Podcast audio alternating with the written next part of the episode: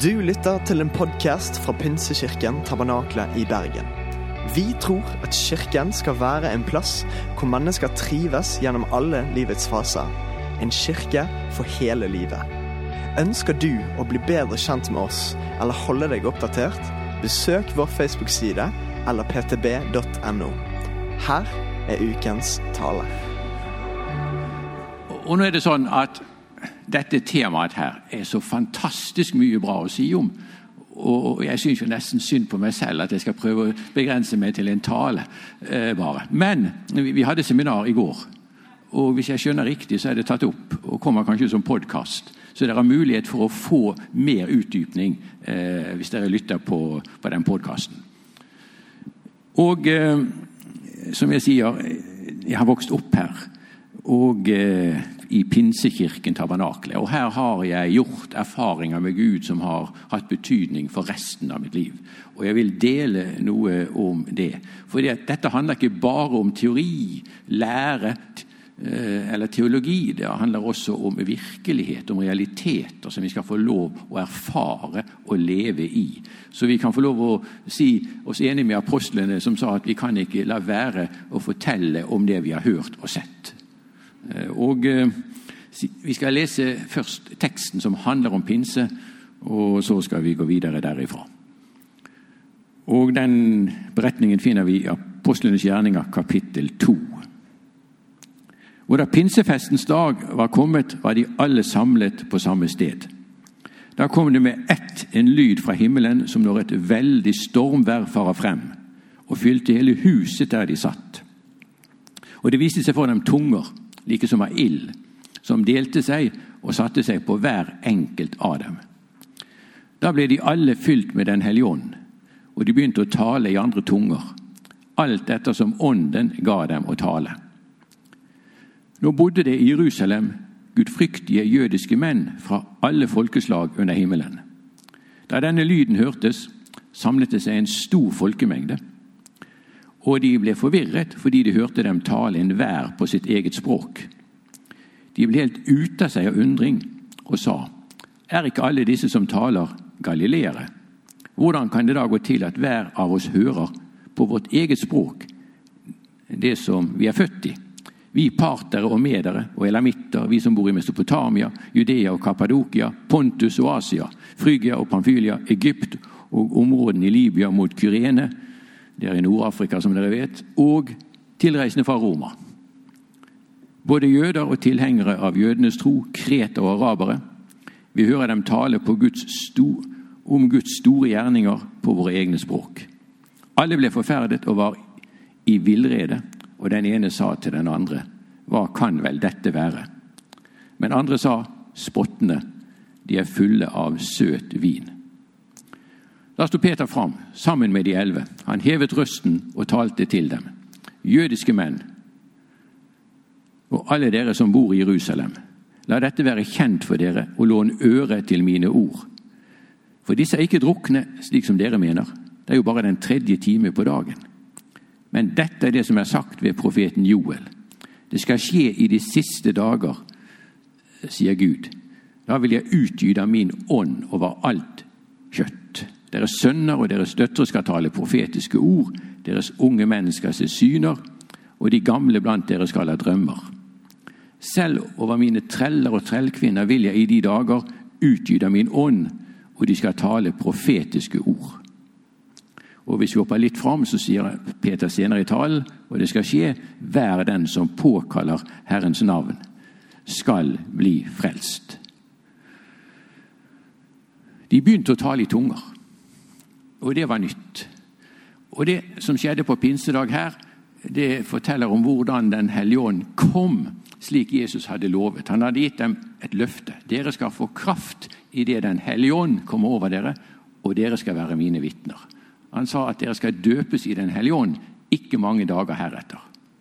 Men Den hellige ånd kom, men han kom ikke for så å uh, reise igjen. Han er her fortsatt. Han virker i dag. Og Det betyr at det som disiplene opplevde her, det er sånn som vi skal få lov å oppleve også. På lignende måter. Og En av de tingene som skjedde med dem, var at de talte i tunger. Og det opplevde jeg da jeg var elleve år gammel. Jeg var faktisk ikke så veldig nær Gud akkurat på den tiden der, selv om jeg bare var elleve år gammel. Og eh, søndagsskolen den gangen var etter eh, formiddagsgudstjenesten. Og jeg hadde liksom pønsket ut en eller annen slags helt håpløs unnskyldning for at jeg ikke skulle være med på søndagsskolen den dagen. Jeg ville snike meg unna.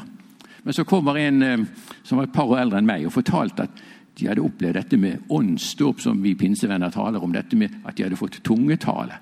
Og Omtrent hele barnekoret hadde opplevd dette. Når han fortalte dette til meg, så var det akkurat som han stakk en usynlig kniv inn i meg. Jeg kjente meg så truffet. Det oppsto en kamp inni meg, en sånn åndelig kamp. Da jeg kom hjem, klarte jeg nesten ikke å spise middag. Og Den kampen eh, varte en del dager. Og så torsdag eh, De brukte å ha kveldsmøte på torsdag, og så var det bønnemøte før dette kveldsmøtet. og Der var jeg med og bøyde kne. Og det ble som en overgivelse for meg. Og når søndagen kom, etter en uke, så sa jeg nå er det min tur. De andre hadde opplevd dette, så jeg regnet med at jeg skulle oppleve det også. Jeg tok det på en sånn barnlig måte.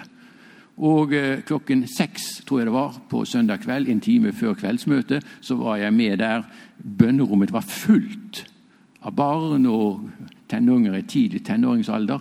Og jeg bøyde kne der, og to stykker bar for meg, og stille og rolig så begynte jeg å tale i tunger. Det var ingen sånn voldsomt dramatisk opplevelse. Vel, når jeg reiste meg, så kjente jeg en fred og glede og, og sånn. Og en dame sa etter at møtet var ferdig, at hun kunne se at det hadde skjedd noe med meg, for det strålte av meg. Men eh, det var ikke så veldig dramatisk. Men det er ikke det som teller. Det som betyr noe, er hva man får. Og jeg fikk en gave. Et sånt instrument til hjelp i bønnen eh, som Bibelen forklarer hensikten med. Eh, og den gaven har jeg fått lov å ha fram til nå og det er til en veldig hjelp når vi ber. Og Paulus forklarer i 1. Korinterbrev kapittel 14 mer om hensikten med dette. fordi at Menigheten i Korint de hadde ikke helt forstått dette med tungetale. Vi skal ikke klandre dem for det. De kom ut fra hedenskap og var, var bare en fem år tidligere omtrent så hadde menigheten blitt grunnlagt av Paulus. Så jeg skal ikke forbauses over at de trengte litt veiledning. Og Han forklarte at tungetale er ikke først og fremst til offentlig bruk. Den er til bruk når vi ber alene. Eh, og det hjelper oss i bønnen. Og han forklarer at når vi ber i tunger, da, vi ikke, da taler vi ikke til mennesker, vi taler til Gud. Hemmeligheter i ånden. Og Hva kan det være for noe? Hemmeligheter i ånden. La meg fortelle en historie. Det var en elev jeg hadde på Hedmarktoppen i perioden der jeg var der. Lene Elisabeth heter hun. Hun har senere vært misjonær ute i Afrika. Faktisk delvis utsendt her fra tabernaklet. Og Hun fortalte at da hun fikk tungetall, fikk hun ett ord eneste sånt rart ord. Det var alt. Og Så syklet hun til og fra skolen på den tiden, en tre kilometer hver vei. Og eh, ba, og brukte også dette ene ordet som var et sånn tungetaleord eh, da hun syklet til og fra skolen. Og Sånn gikk det et par uker. Og Så var hun hjemme en dag. Hun elsket å synge lovsanger, spille piano og sitte der og prise Gud.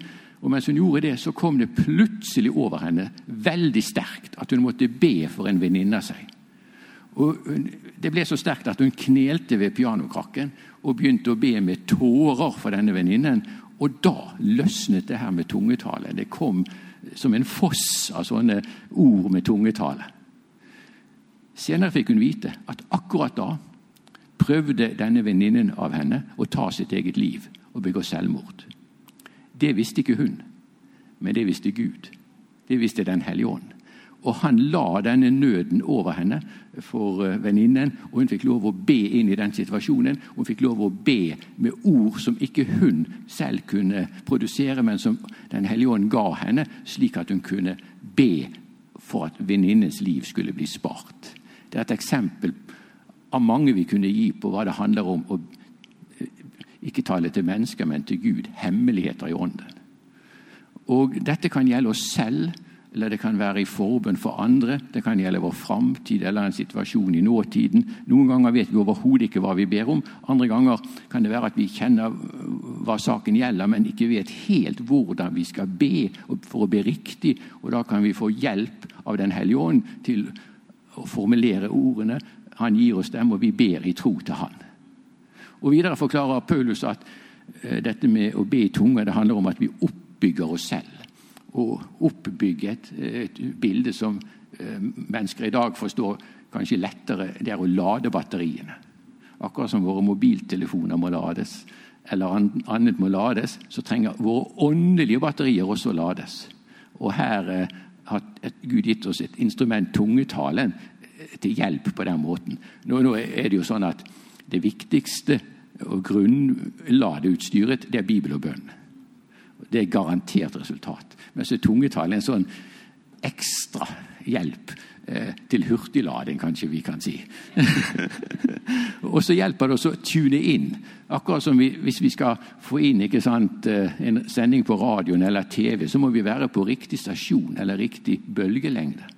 Og Jeg vet ikke hvordan det er med dere, men jeg har fortsatt så kjemper jeg med å finne Den hellige ånds bølgelengde og oppfange signalet fra Han. Og her er tungetale en hjelp til nettopp det, å tune inn, så at vi får riktig frekvens eller riktig bølgelengde og kan høre signalene eh, fra Han. Så dette er noe av det som er hensikten med tungetale. Nå er det sånn at Vanligvis så forstår ikke vi eh, hva eh, vi sier når vi ber i tunger. Men unntaksvis, som på pinsedag, så skjer det at mennesker taler i tunger på språk som andre som er til stede, forstår. Og En sånn historie, la meg dele den. Det skjedde i Philadelphia Hamar. Og dette har jeg fra eh, konen til han som talte på denne måten, Will Jarman Syversen, og hans kone Kari. Han sto og gav det vi kaller et budskap i tunger. Og det ble også tydet. Etter møtet kommer en utenlandsstudent fra Nord-Afrika et sted og spør Han var ikke en kristen, denne nordafrikanske studenten. Han spør hvordan kunne den mannen tale mitt språk akkurat slik som vi gjør det hjemme. Pastoren sier jeg tror ikke han kan språket. Jo, men han må kunne det. Han, han snakket jo akkurat helt eksakt sånn som vi snakker hjemme. Ja, men Gå og snakk med han, sa pastoren, og se om han kan språket. Og Han kommer tilbake enda mer forvirret, eh, for han skjønte jo ikke språket denne mannen. Eh, og Da er pastoren nysgjerrig, for dette var jo blitt tydet. Hvordan var det med oversettelsen? Var den riktig? Ja, sa han, den var riktig, men det var ikke en sånn ord for ord-oversettelse eller setning for setning-oversettelse, men det var et sammendrag av det som ble sagt. Og hva det handlet om? Jo, hvordan kan du bli frelst? Og denne studenten ble ikke helt overraskende en kristen og tok imot Jesus. Så Sånt skjer også i dag. Selv om det ikke er det vanlige, så skjer det. Det er mange sånne beretninger. Så eh, Den hellige ånd ønsker å komme oss til hjelp eh, på denne måten. Eh, Jesus hadde gitt et løfte, og så ventet de ti dager før pinsedag kom. Og Løftet var at dere skal få kraft idet Den hellige ånd kom over dere, og dere skal være mine vitner. Og Pinse handler altså om det at Vi kaller det også kirkens fødselsdag. Altså Fra da av så begynner menigheten å fungere i Den hellige ånds kraft. Og fra første dag av så er menigheten misjonerende, evangeliserende. Og 3000 Eh, blir kristne allerede første dagen. Men så er det jo sånn at Den hellige ånd er en mesterstrateg. For, for, faktisk var det sånn at det var Pga. at det var pinsehøytid, så hadde det kommet jøder eh, og folk som trodde på jødenes gud, fra hele Romerriket. Og til og med øst for Romerrikets grenser, Mesopotamia, som ligger øst for Romerriket. Og De hørte evangeliet forkynt på pinsedag. Så Det betyr at de kunne komme tilbake til f.eks. Rom eller Nord-Afrika, Libya eller Mesopotamia og fortelle om hva de hadde hørt og sett, og forkynne evangeliet bare uker etter pinsedag. Så, så sånn mesterlig strategisk ser vi at Den hellige ånd eh, jobber. Dere skal få kraft, sa Jesus. Og dette ordet 'kraft' det er ordet på gresk 'dynamis'. Og Nå er vi ganske kjent med det. Vi snakker om å være dynamisk, ikke sant? Eller dynamo. Eh, og Det er ulike måter for kraft det handler om. Eh, og kraft det er et ganske mm, bredt eh, dekkende ord, dette. Det kan handle om at du får evne eller dyktighet. Det handler om at du kan få kraft i form av motivasjon, at du kan få indre styrke, eh, åndelig styrke, fysisk styrke, men også kraft til å gjøre under og tegn, sånn som Jesus gjorde. Og Jesus sa faktisk at dere skal gjøre de samme gjerninger som jeg gjør, ja, større enn disse. Nå må jeg få lov å spøke litt, altså. Større gjerninger, hva, hva kan det være for noe? Og Det kan vi diskutere, men jeg syns ikke det er så veldig interessant på en måte, fordi at jeg har foreløpig mer enn nok med å gjøre det Jesus gjorde. Jeg vet ikke hvordan det er med dere, altså, men kommer jeg dit, så kan jo jeg begynne å spørre hva er disse større gjerningene for noe. Men det betyr at vi faktisk kan si som Jesus så vi. Som Jesus gjorde under et tegn, skal vi også få lov å gjøre det. Men når vi sier det, så må det også sies noe mer. For ellers kan vi lett bli motløse og resignere. Når vi ser på forskjellen mellom Jesus og oss. For det er nemlig en forskjell. Og hva er forskjellen? Jesus var fullkommen, vi er det ikke. Og En måte å beskrive dette på eh, som jeg ofte bruker, det er å bruke vann som illustrasjon. Og Dere vet at vann har en kolossal kraft. Eh, og for, for nå å bruke et bilde på en positiv måte Vannkanoner er noe som politiet gjerne bruker i en del land for å roe ned demonstranter. Og Jeg har sett det på TV. det har kanskje dere også sett. Og Står man for nær en sånn vannstråle fra en vannkanon, så kan du bli kastet i bakken pga. kraften av eh, den vannstrålen. Og billedlig talt, nå, og ta det positivt Jesus var som en vannkanon fylt med levende, livgivende vann. Helbredende vann. Så, så straks vannstrålen fra Jesus traff den syke, så var den syke helbredet. Pang! Men det er bare det at våre rør er ikke helt som Jesu rør. Vanntrykket er ikke helt det samme. Det er til og med kanskje bare drypper av rørene våre. Men vi skal ikke miste motet pga. det. altså. For det, det, vi må huske på, det er at det er den, den samme typen vann som fløt gjennom Jesus. Det er det samme levende vannet, det er den samme Helligånd, den samme Helligåndskraft. Jesus sa, Johannes 7, 37-39, om noen tørster, han komme til meg og drikke. Og av hans liv skal det, som Skriften har sagt, renne strømmer av levende vann. Og Dette sa han om den ånd de skulle få som tror på ham. Så det betyr at selv om det bare er dråper, så er disse dråpene en enorm kraft. Du som tror på Jesus, har Den hellige ånd. La deg bruke dine ord, ditt vitnesbyrd. Det er en enorm kraft i det, for Den, den hellige ånd virker gjennom dine ord, gjennom ditt vitnesbyrd, eller det at du ber for mennesker. Jeg var nede i København Eh, det er noen år, en god del år tilbake nå. Det var en, nigeriansk evangelist som hadde møter der. og Han har også vært i Norge. Jeg var til og med vert for han her i Norge. Eh, og eh, plukket opp en del fra han. Og pga. at det hadde vært reportasje på TV, så hadde mange mennesker sett helbredelser som skjedde. og Det førte til at mange ikke-kristne, også veldig mange New Age-folk, kom. Opptil 70% var ikke-kristne. Og Jeg var med der og, og be for folk mot slutten av møtet. Og Blant annet husker jeg en ung dame. Hun hadde opplevd veldig traumatiske ting i livet. Hun hadde blitt satt på sånne psykofarmika, sånne medisiner for psyket. sykhet. og De ville hun gjerne bli kvitt. Og jeg, jeg, la ikke hånden på henne. Jeg holdt bare hånden en sånn 30 cm over hodet på henne. Og hun sier 'Å, så vidunderlig. Å, så nydelig'. Hun bare drakk inn en atmosfære som omsluttet henne. Og Jeg gjorde det en gang til. Samme reaksjon. Hva hendte? For første gang i livet opplevde hun freden i Guds nærvær. For første gang i livet opplevde hun legedommen i Guds fred. En dråpe av levende vann kan vi si, falt på hodet hennes. Vi som tror på Jesus, vi har Den hellige ånd. La oss ikke holde det tilbake. Og Så er det noe annet som også begynner å skje når vi begynner å gi videre det vi har fått. Eh, rørene våre blir renset. Kanskje det er litt sånn rusk og rask der som trenger å renses ut, sånn at vannet flyter enda friere. Og kanskje Gud ser at jo, men vi må faktisk gi han eller henne litt større rør, for nå begynner det å renne så masse vann her. Når vi bruker det vi har fått, så, så vokser vi det. Vi får mer. Men hvis vi lar være å bruke det vi har fått, så tørker det inn. Og da må eh, vi oppleve det som Paulus skrev til Timotus. Opptenn på nytt den nådegave som er i deg. Og det skal vi også gjøre i høyeste grad. Men la oss begynne å la oss bruke, og så skal vi få lov å vokse i det.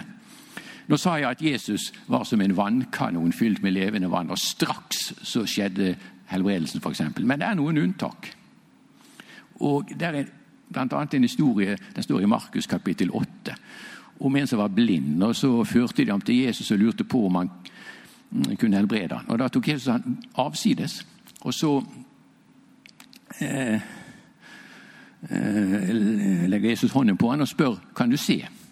Vel, sier han, jeg ser mennesker gå omkring like som trær. Jaha, så la Jesus hånden på han en gang til. Og da så han klart. Og da sier jeg Hvis Jesus kunne legge hånden på en syk to ganger, så kan vi også gjøre det. Jeg mener til og med tre. Fire, fem, seks, åtte, ni, ti. Hvor mange ganger som trengs. Pga. vårt vanntrykk, som kanskje ikke er helt sånn som Jesu vanntrykk, så kan det være at det av og til tar litt tid. Jeg husker jeg var ute i Zimbabwe eh, på en kampanje der hvor jeg var med. Denne nigerianske evangelisten, faktisk. Og eh, Der var det en mann som var blind. Han hadde vært blind i 14 år. Alt var svart. Han så ingenting. Eh, og Han kom til møte kveld etter kveld, og ulike ba for han. Og Den kvelden jeg snakket med han og ba for han, så fortalte han sønnen som tolket at nå hadde han begynt å se stjerner.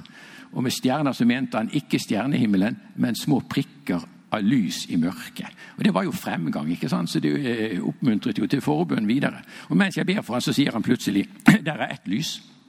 Og der er ett lys. Og det var lyset fra lyskastene som han så. Så det var jo virkelig fremgang. Så det oppmuntret jo til å fortsette å be. Og så fortsetter jeg å be for han, og så sier han der er hodet ditt, der er skuldrene dine.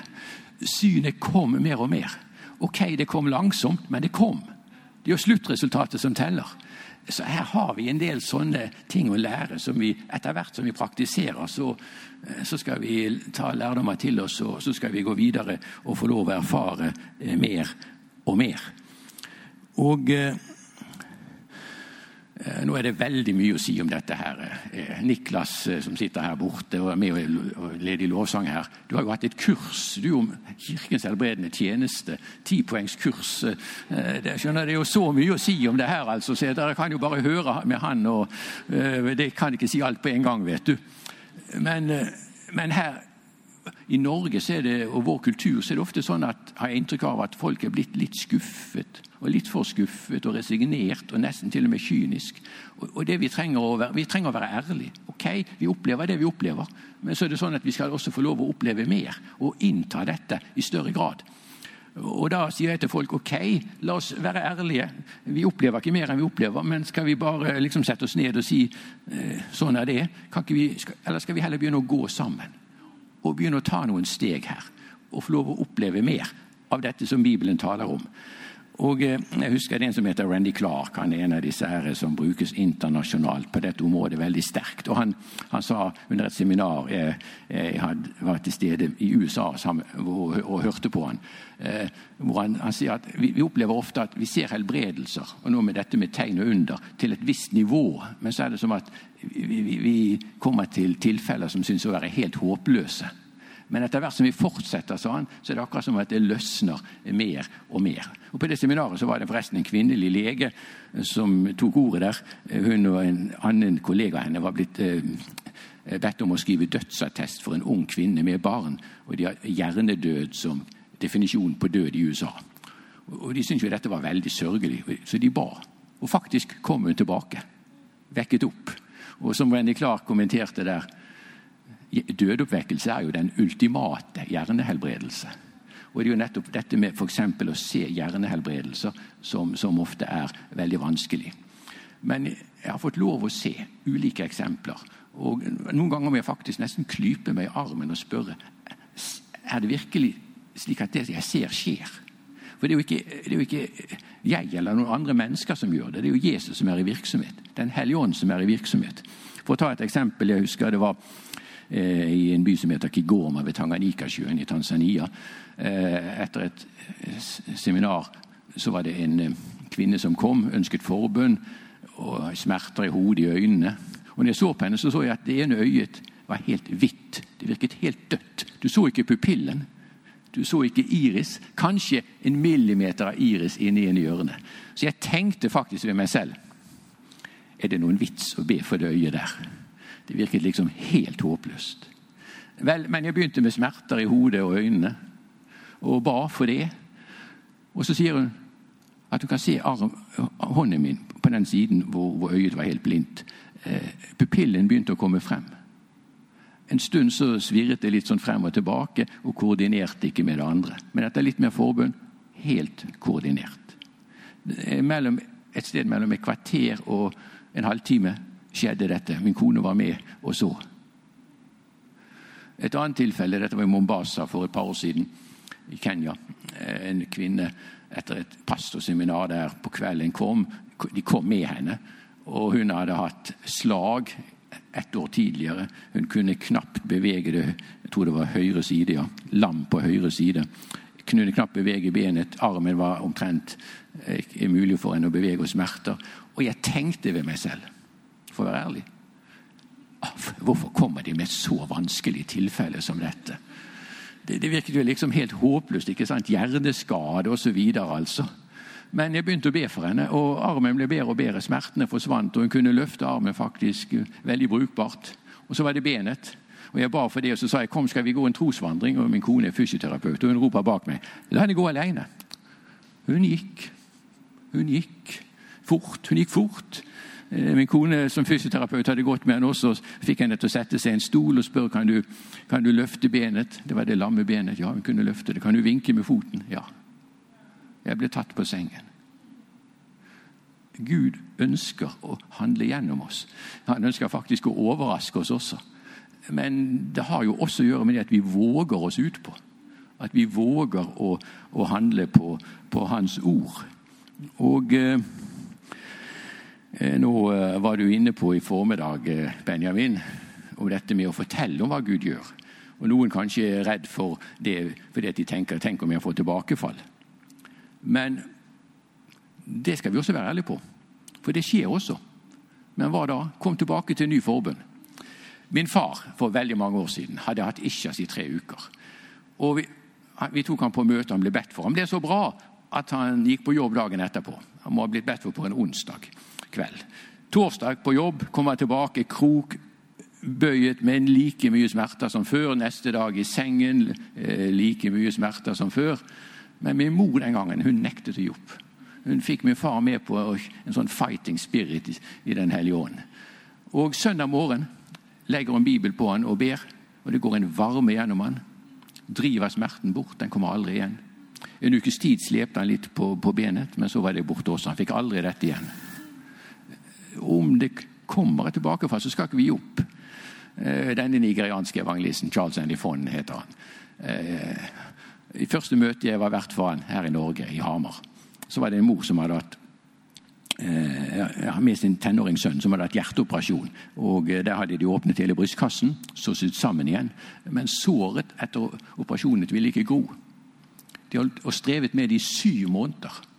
Ville ikke gro. Fire centimeter bredt og veldig dypt. Og jeg husker han, Evangelisten sa det skal gro på 24 timer. Han la ikke hånden på den, han bare sa det skal gro på 24 timer. Jeg tenkte det der var dristig sagt. Det gjorde det. Det grodde på 24 timer. La oss si 95% eller noe sånt, og så resten veldig fort. Etter noen uker sier denne sønnen, Stian han het, het han, 'Mor, jeg tror såret holder på å komme tilbake.' Det gjorde det. Men hun bare hvilte i Guds løfter, sa hun. Takket Gud for hans løfter. Og såret forsvant igjen og kom aldri tilbake. Noen ganger er det kanskje en sånn prosess som skal til før eh, helbredelsen blir etablert. Eller vi kan også se det slik at djevelen prøver å stjele det Gud har gitt. Og det skal vi ikke la han få lov å gjøre. Jeg bare sier dette også for å bare ta brodden av det der. Tenk om jeg får tilbakefall. Det kan skje, men da kan vi be igjen. Vi skal ikke ta det for siste ordet.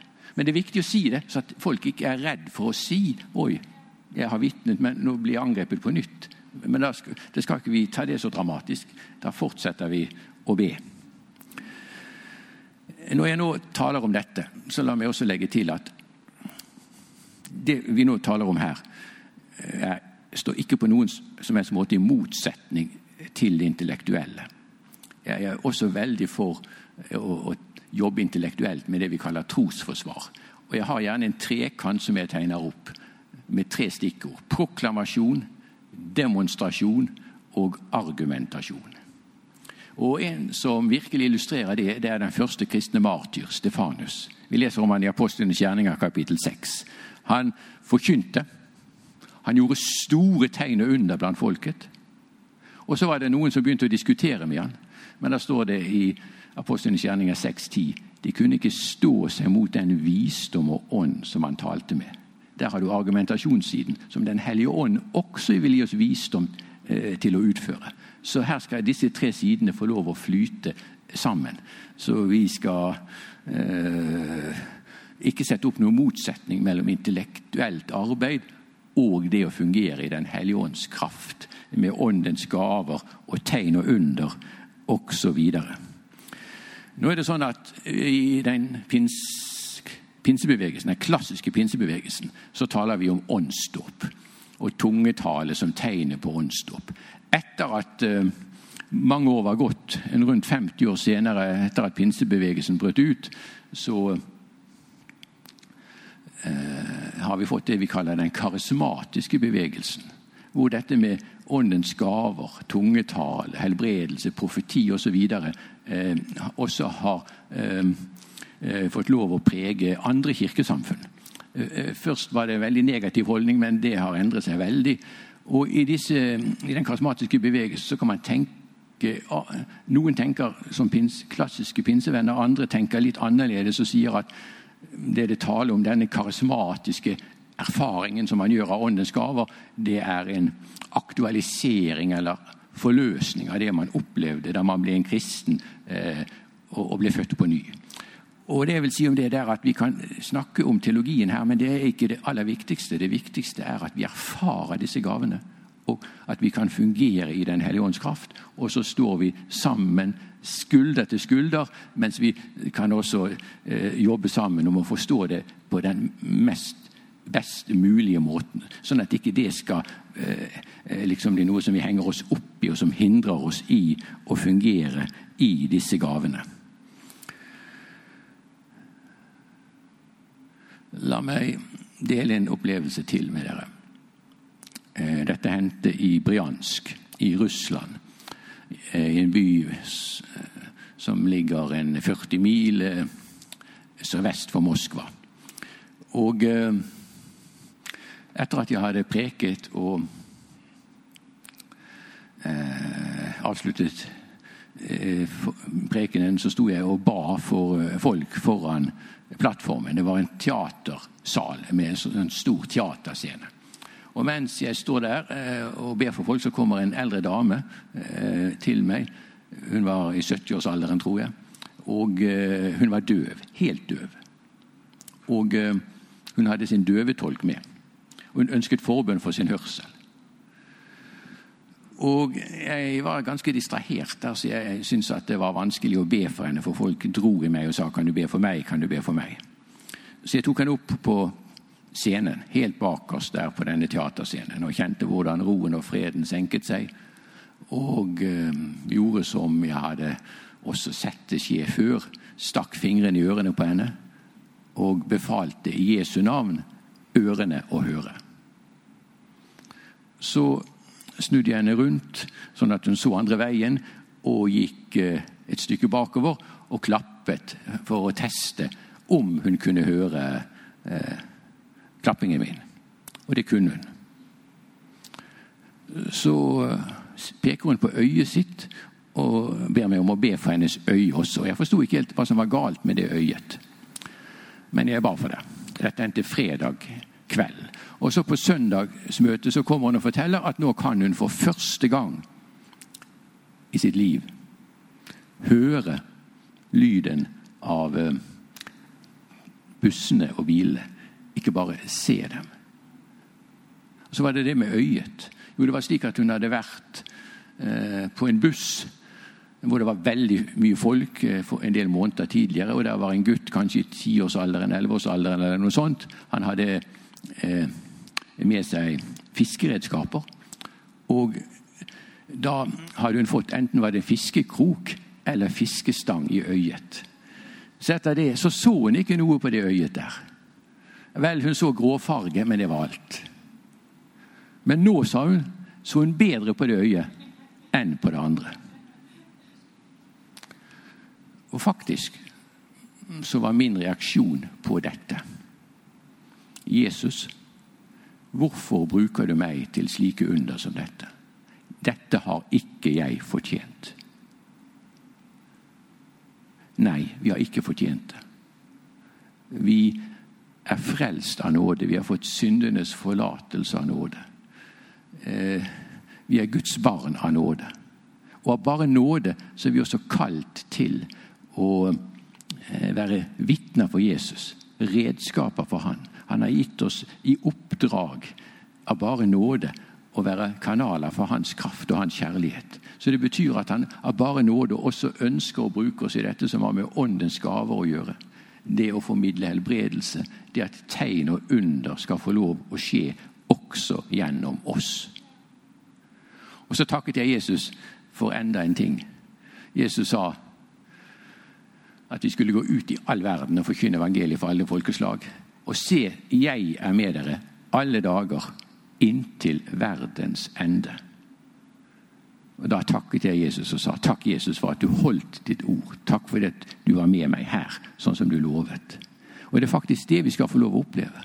Når vi følger Jesus og går med Han, da er det slik at der vi er, der er Jesus. Ja, men Hvis han sa at han skal være med oss, så må det jo være slik at der vi er, er han også. Når vi vel merke følger han. Og Det betyr at der vi er, vil han virke gjennom oss.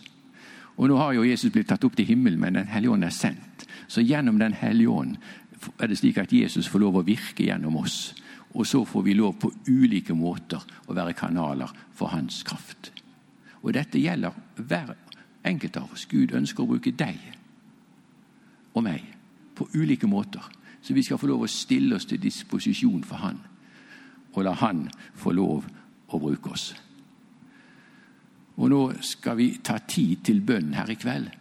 Og det er sånn at uh, Vi kan ikke be på den måten vi ofte ellers gjør, med håndspåleggelse og sånn. Vi må ta det uh, sånn på avstand. Men vi har fått lov å, å se hvordan Gud virker også bare gjennom eh, bønn på avstand. Kollektiv forbønn. Jeg har sett hvordan døve har fått hørsel. Eh, lammer folk har kastet krykkene bare gjennom kollektiv forbønn. Eh, bare for å ta et eksempel. Jeg fortalte om dette i går, men da var vel de fleste av dere ikke her. Dette skjedde for ja, du vet Det har vært koronatid, vi har ikke kunnet reise. Men vi var, min kone og jeg vi var ute i eh, Tanzania, Musoma, ved Viktoriasjøen. Det var i høsten 2019. Og Der eh, hadde vi pastorseminar. Og jeg fortalte om ting som hadde skjedd, og ga eksempler. Og så var det en som var til stede der pastorkonen sier ja, jeg ble helbredet på det samme møtet. Og Det som hadde skjedd, var at hun hadde fått meslinger. Og hun ble veldig syk. Hun måtte inn på sykehuset for intensiv behandling for meslinger. Og hun ble bra fra meslingene, men hun mistet hørselen. Det vil si hun hørte en støy som hun ikke skulle høre, men det hun skulle høre, det hørte hun ikke. Men mens hun sto der foran eh, eh, plattformen på det møtet utendørs der, og eh, mottok sånn kollektiv forbønn, så ble hun helbredet. Og hørselen var tilbake. Og Det hadde da skjedd et par år tidligere, så de hadde ikke bare forsvunnet, men de hadde eh, blitt bestandig. Og På lignende måte kan vi fortelle om hvordan også ved bare kollektiv forbund Jesus sa, eh, Det ble sagt til Jesus si bare et ord, så blir min tjener helbredet. Og Nettopp det skal vi også få lov å praktisere. Så nå skal vi be her i kveld om at Den hellige ånd skal røre ved oss, fylle oss med sin kraft forløse nådegaver som tungetale og andre gaver. Og også skal vi be om at eh, de som trenger helbredelse, skal få lov å oppleve helbredelse.